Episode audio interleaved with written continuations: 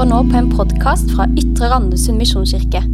For mer informasjon, besøk yrm.no. Hei, alle sammen. Vi har denne høsten snakka om trospraksiser her i Ytre Randesund misjonskirke. Hvordan kan vi hjelpe hverandre til å få det som ligger i hjertet, ut i hendene våre?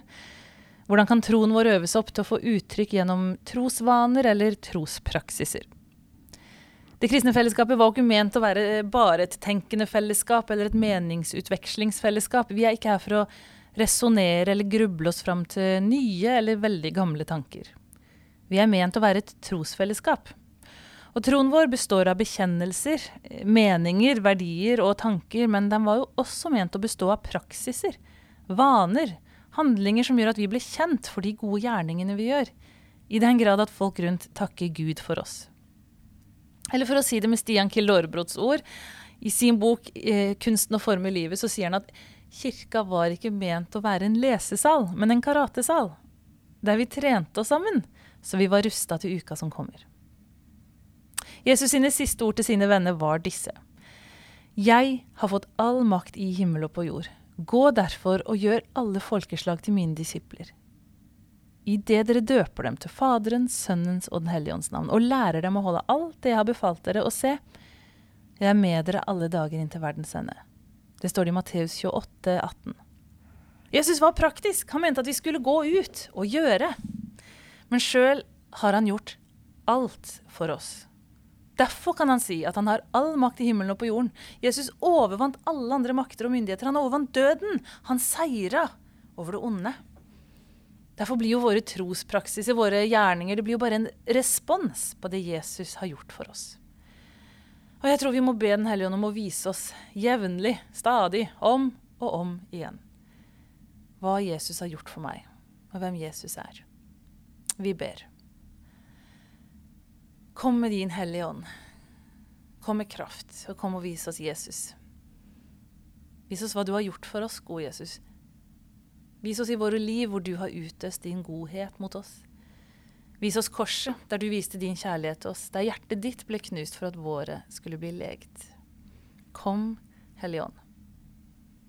Amen.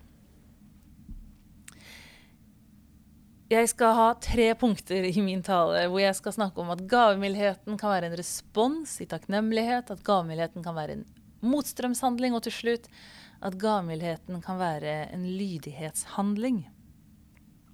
Og vi begynner med takknemligheten. I 1. Tessalonikerne 5, vers 16 står det Vær alltid glade, be uavbrutt, takk Gud under alle forhold. Det har nettopp vært thanksgiving. Det er en sterk amerikansk tradisjon der man samles rundt bordet. Det er dekket med kalkun og tranebærsaus og alle slags goder. Familien er samla, og utgangspunktet er takknemlighet. Takknemlighet for det man har fått og har, og takknemlighet for hverandre og det som kommer. Personlig kunne jeg kanskje ønske at det var en av de amerikanske tradisjonene vi overtok, ikke en del av det andre vi har blindt arva derfra. Eh, vi trenger egentlig ikke over dammen for eksotiske tradisjoner, for også i Norge har høsttakkefesten lang tradisjon. Høsttakkefesten var bondens takk for årets avling. Da man samla familien rundt bordet for å takke. For maten på bordet, for buskapen, for avlingen, og takken gikk til høstens herre. En del av den tradisjonen var også å dele maten med de som ikke hadde mye. For gavmildheten er vakrest når den springer ut av takknemlighet. Når jeg innser hvor mye jeg er betrodd, hvor mye jeg har fått, og hvor takknemlig jeg er for at noen delte med meg en gang. Enten de delte sin visdom eller sine ressurser. At de delte sin tid og oppmerksomhet, eller de delte det jeg hadde lite av og de hadde nok av. Som Hilde og Roy, som starta bibelgruppe for meg og fire til. Vi var akkurat konfirmert i Frikirka i byen. De var unge studenter i byen, og de åpna stua si for oss. Noen 16-åringer som fikk lese Bibelen, spørre alle spørsmåla, prøve oss på nådegavene, be for hverandre. Og selvfølgelig spise is med Nonstop og peanøtter og le oss skvett i hjel sammen. Deres raushet mot oss inspirerte meg til å gjøre det samme når jeg ble ung voksen. Åpne stua mi for noen som var yngre enn meg, og lese Bibel sammen og utforske nådegaver sammen, be sammen. Det var i takknemlighet for det jeg sjøl hadde opplevd, at det ble meningsfullt å gi det videre. Hva har du å takke for? Hvordan kan gavmildheten springe ut fra den takknemligheten? Hva vil du gi fordi noen ga deg først? Gavmildhet kan være en respons i takknemlighet. Og så kan gavmildheten være en motstrømshandling. Og når vi i dag skal snakke om gavmildheten som en trospraksis, så står vi i et gjenskinn av Guds godhet og gavmildhet mot oss. Vi elsker fordi han elska oss først. Vi gir, men han ga oss alt vi har å gi. Jorden og alt som fyller den, hører Herren til. Vi er betrodd å forvalte og nyte de gode gavene som Gud gir. Og så utfordrer han oss på å ikke holde for hardt i tinga våre. Eiendelene våre, eller gavene og talentene våre, tida vår og relasjonene våre. Men at vi skal være rause. I ordspråkene 11.25 står det 'den gavmilde får gode dager'. Den som øser ut av andre, får rikelig tilbake. Men det mange av oss instinktivt gjør, er å samle. Spare. Hamstre. Tre til prisen for to. Kjøp to, få én på kjøpet. Handel for over 600 kroner, så kjører vi maten hjem til deg gratis. Nice. Hvor kan jeg spare litt penger? Hvordan kan jeg få mest mulig ut av pengene mine? Hva lønner det seg å investere i for fremtida? Hva gjør jeg lurt i å gjøre i dag? Sånn at jeg en dag får en bra pensjon. Og mye av det her er bra. Men det er en fin linje mellom klokt forvalterskap og eiesyke.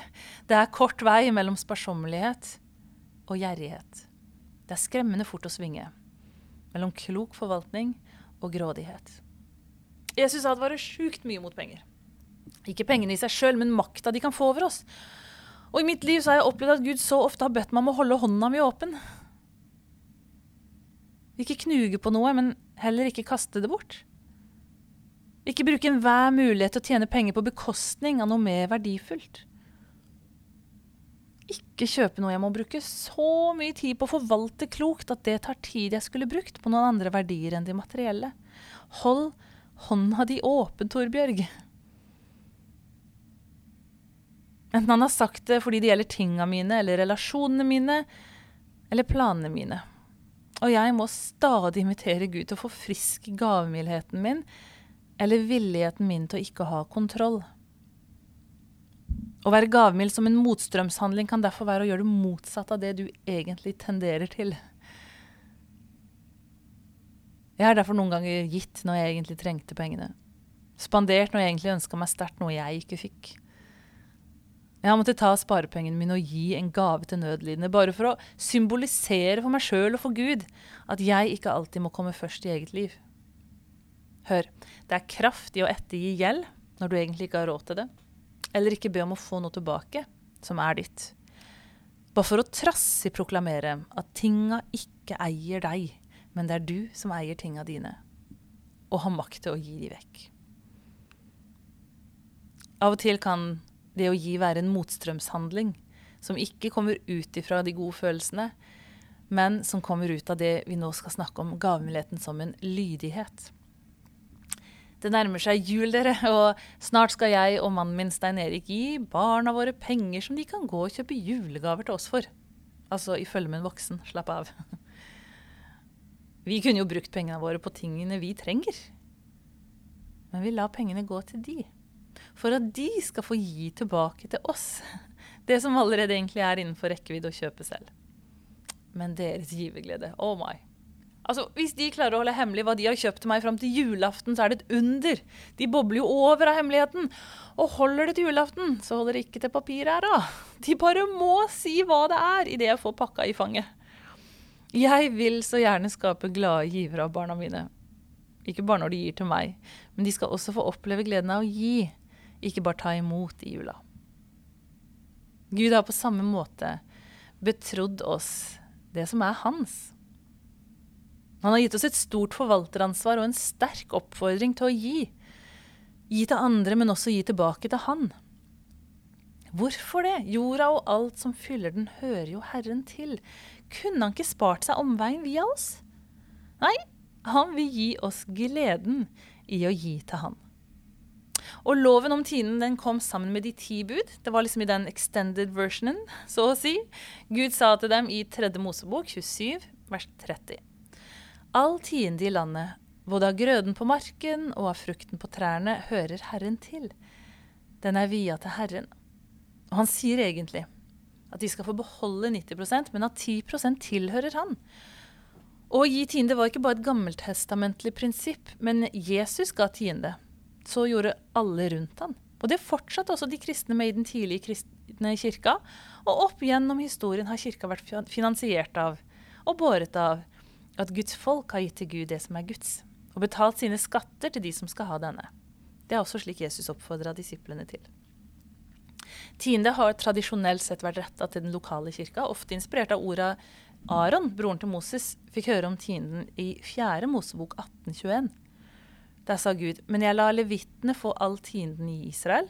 Den skal de ha til lønn for sitt arbeid for tjenesten ved møteteltet. Så for å få kirkene til å gå rundt, har det derfor vært nødvendig at tienden har gått og drifte kirka. Og så har vi her, her, i landet fått statsstøtte, som er en berikelse, men samtidig ikke en erstatning for tiende. Jeg bruker få kalorier på å bekymre meg for økonomien til menigheten vår i fremtida. For Gud er trofast. Men det kan hende vi kan se en endring i statsstøtter til kristne frikirkelige menigheter etter hvert. Men frykt ikke. Jesus sa jo aldri 'vær ikke bekymret for noe, men la statsstøtten ta hånd om dere'. Han ba oss om å søke Guds rike først, og lovde at vi skulle få alt det andre i tillegg. Og som menighet så er vi helt avhengig av menighetsmedlemmenes tiende. Og for å si det, vi har i år i vår menighet hatt et sterkt behov for å øke den faste givertjenesten i kirka vår. Vi trengte i hvert fall 15 nye faste givere. Og nå, dere, nå har vi fått ti nye. Det mangler fem før nyttår. Kanskje blir du med i dag? Denne kirka går ikke rundt uten faste givere som gir tienden sin inn i fellesskapet. Gud krever ikke 10 av oss. Han betror oss alt. Det står at all god og fullkommen gave kommer ovenfra, fra lysenes far. Og at han har gitt oss i overflod av all god gjerning for at vi skulle nyte godt av den. Men jeg opplever en gudgitt invitasjon til å slippe taket i mitt eget. Slippe tak i kontrollen og råderetten. Jeg har gitt tiende hele livet, fra jeg fikk sommerjobb på Chiconet på ungdomsskolen. Det var ikke bare lett, og jeg klarte det nok ikke alltid, altså. Det føltes så lite, det som kom inn, at å gi vekk noe i tillegg gjorde litt vondt. Det er ikke bare bare å starte med en tiende når det er mange nuller på lønnsslippen, men det er jammen ikke lett når nullene er få. Men påbudet om tide kom faktisk med løfte, om, løfte og en challenge. Det er som en gud sier 'prøv meg'. I Malaki 3.10 står det Kom med hele tiende forrådskammeret så det finnes mat i mitt hus. Prøv meg på denne måten, sier Herren over herskarene. Jeg skal sannelig åpne himmelens sluser og øse ut over dere velsignelse uten mål. Derfor har jeg gitt tiende siden tenåra, og jeg har opplevd velsignelsene. Jeg har opplevd at han tåler å bli utfordra på dette. Jeg husker så godt da jeg som ungdom hørte om han som grunnla Colgate, tannkremen vi alle kjenner til. Han var en kristen mann, og han starta det som da blei et såpe- og tannkremimperie. Han hadde lest Malaki og lovde Gud å gi til Gud det som tilhørte han, tienden av alt han tjente, fra første cent. Det gikk raskt godt, og William Colgate økte tienden til 20% og 30% og jo mer han ga, jo mer tjente han. Jeg er ingen William Colgate. Men jeg har også satt som, meg som mål å ikke bli på tienden. Men tenk om jeg kunne økt den utover livet. Nå er jeg bikka 40, og jeg er litt over tiende, men jeg har et stykke igjen. Jesus lover oss i Lukas 6, 38. Gi, så skal dere få. Et godt mål. Rysta, stappa og breddfull skal dere få i fanget.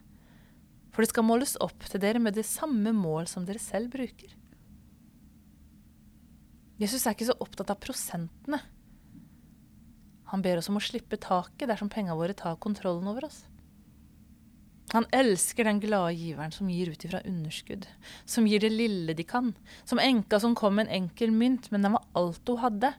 Og Jesus sa til disiplene at hun ga den største gaven i tempelet den dagen, for hun ga det lille hun hadde. Det står om henne i Lukas 21. Vi er kalt til å være gavmilde, og det vakreste er når det er som en respons i takknemlighet. Og så trenger vi av og til å være gavmilde med hverandre når det er som en motstrømshandling. Ikke født ut av gode følelser, men fordi det gjør noe med den kontrollen vi trenger å slippe tak i av og til. Og så utfordrer Gud oss på å være lydige og gi sånn at han kan gi oss tilbake og vise oss at han er en trofast forsørger. Til slutt i denne talen så vil jeg at vi skal være praktiske. Det har vært som et mål gjennom høstens taleserie at det skal være mer enn teori, men også noen konkrete praksiser. Og dere, vi bor i en by der mange gruer seg til jul. Vi bor nå i et land der mammaer og pappa legger seg sultne, sånn at det skal være nok mat til frokost for barna. Køene til matutdelingene er lengre enn noensinne. Desperate innringere til Kirkens SOS hjelpetjeneste de lurer på hvordan de skal få det til å gå rundt. Når drivstoffet er avsindig dyrt, strømmen er enda dyrere, og matvareprisene rekordhøye. Da er det mange som før fikk det til å gå akkurat så vidt rundt, som ikke lenger får det til å gå rundt. Og vi hadde tenkt å ha et høsttakkoffer til kirka vår i dag. En takknemlighetsgave, ja, et offer. Altså gi så det kjennes til fellesskapet. Og det trengs idet vi også øker vår frekvens og våre møteplasser som kirke på nyåret. Men så kjente jeg likevel at vi må snu oss utover. Ja, kirka vår trenger faste givere for å fortsette driften vår, og oppfordringa er gitt. Du blir fast giver på yrm.no. Men høsttakkoffer i dag ønsker jeg at vi skal gi til Frelsesarmeen.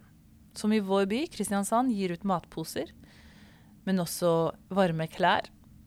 De er med å gi ut gavekort, så foreldre som ikke har penger til julegaver, kan få kjøpe det. Og de og alle andre veldedige organisasjoner og gode hjelpere som deler ut hjelp i byen vår, forteller at antall brukere har eksplodert. Og mennesker som aldri før har trengt hjelp, er nå desperate. Og det kan også være mennesker i vårt fellesskap som har godt skjulte behov. La oss be om øyne til å se hverandre og hjelpe hverandre. Si gjerne fra hvis vi som fellesskap kan hjelpe deg på noe som helst måte. Ta kontakt med oss i staben.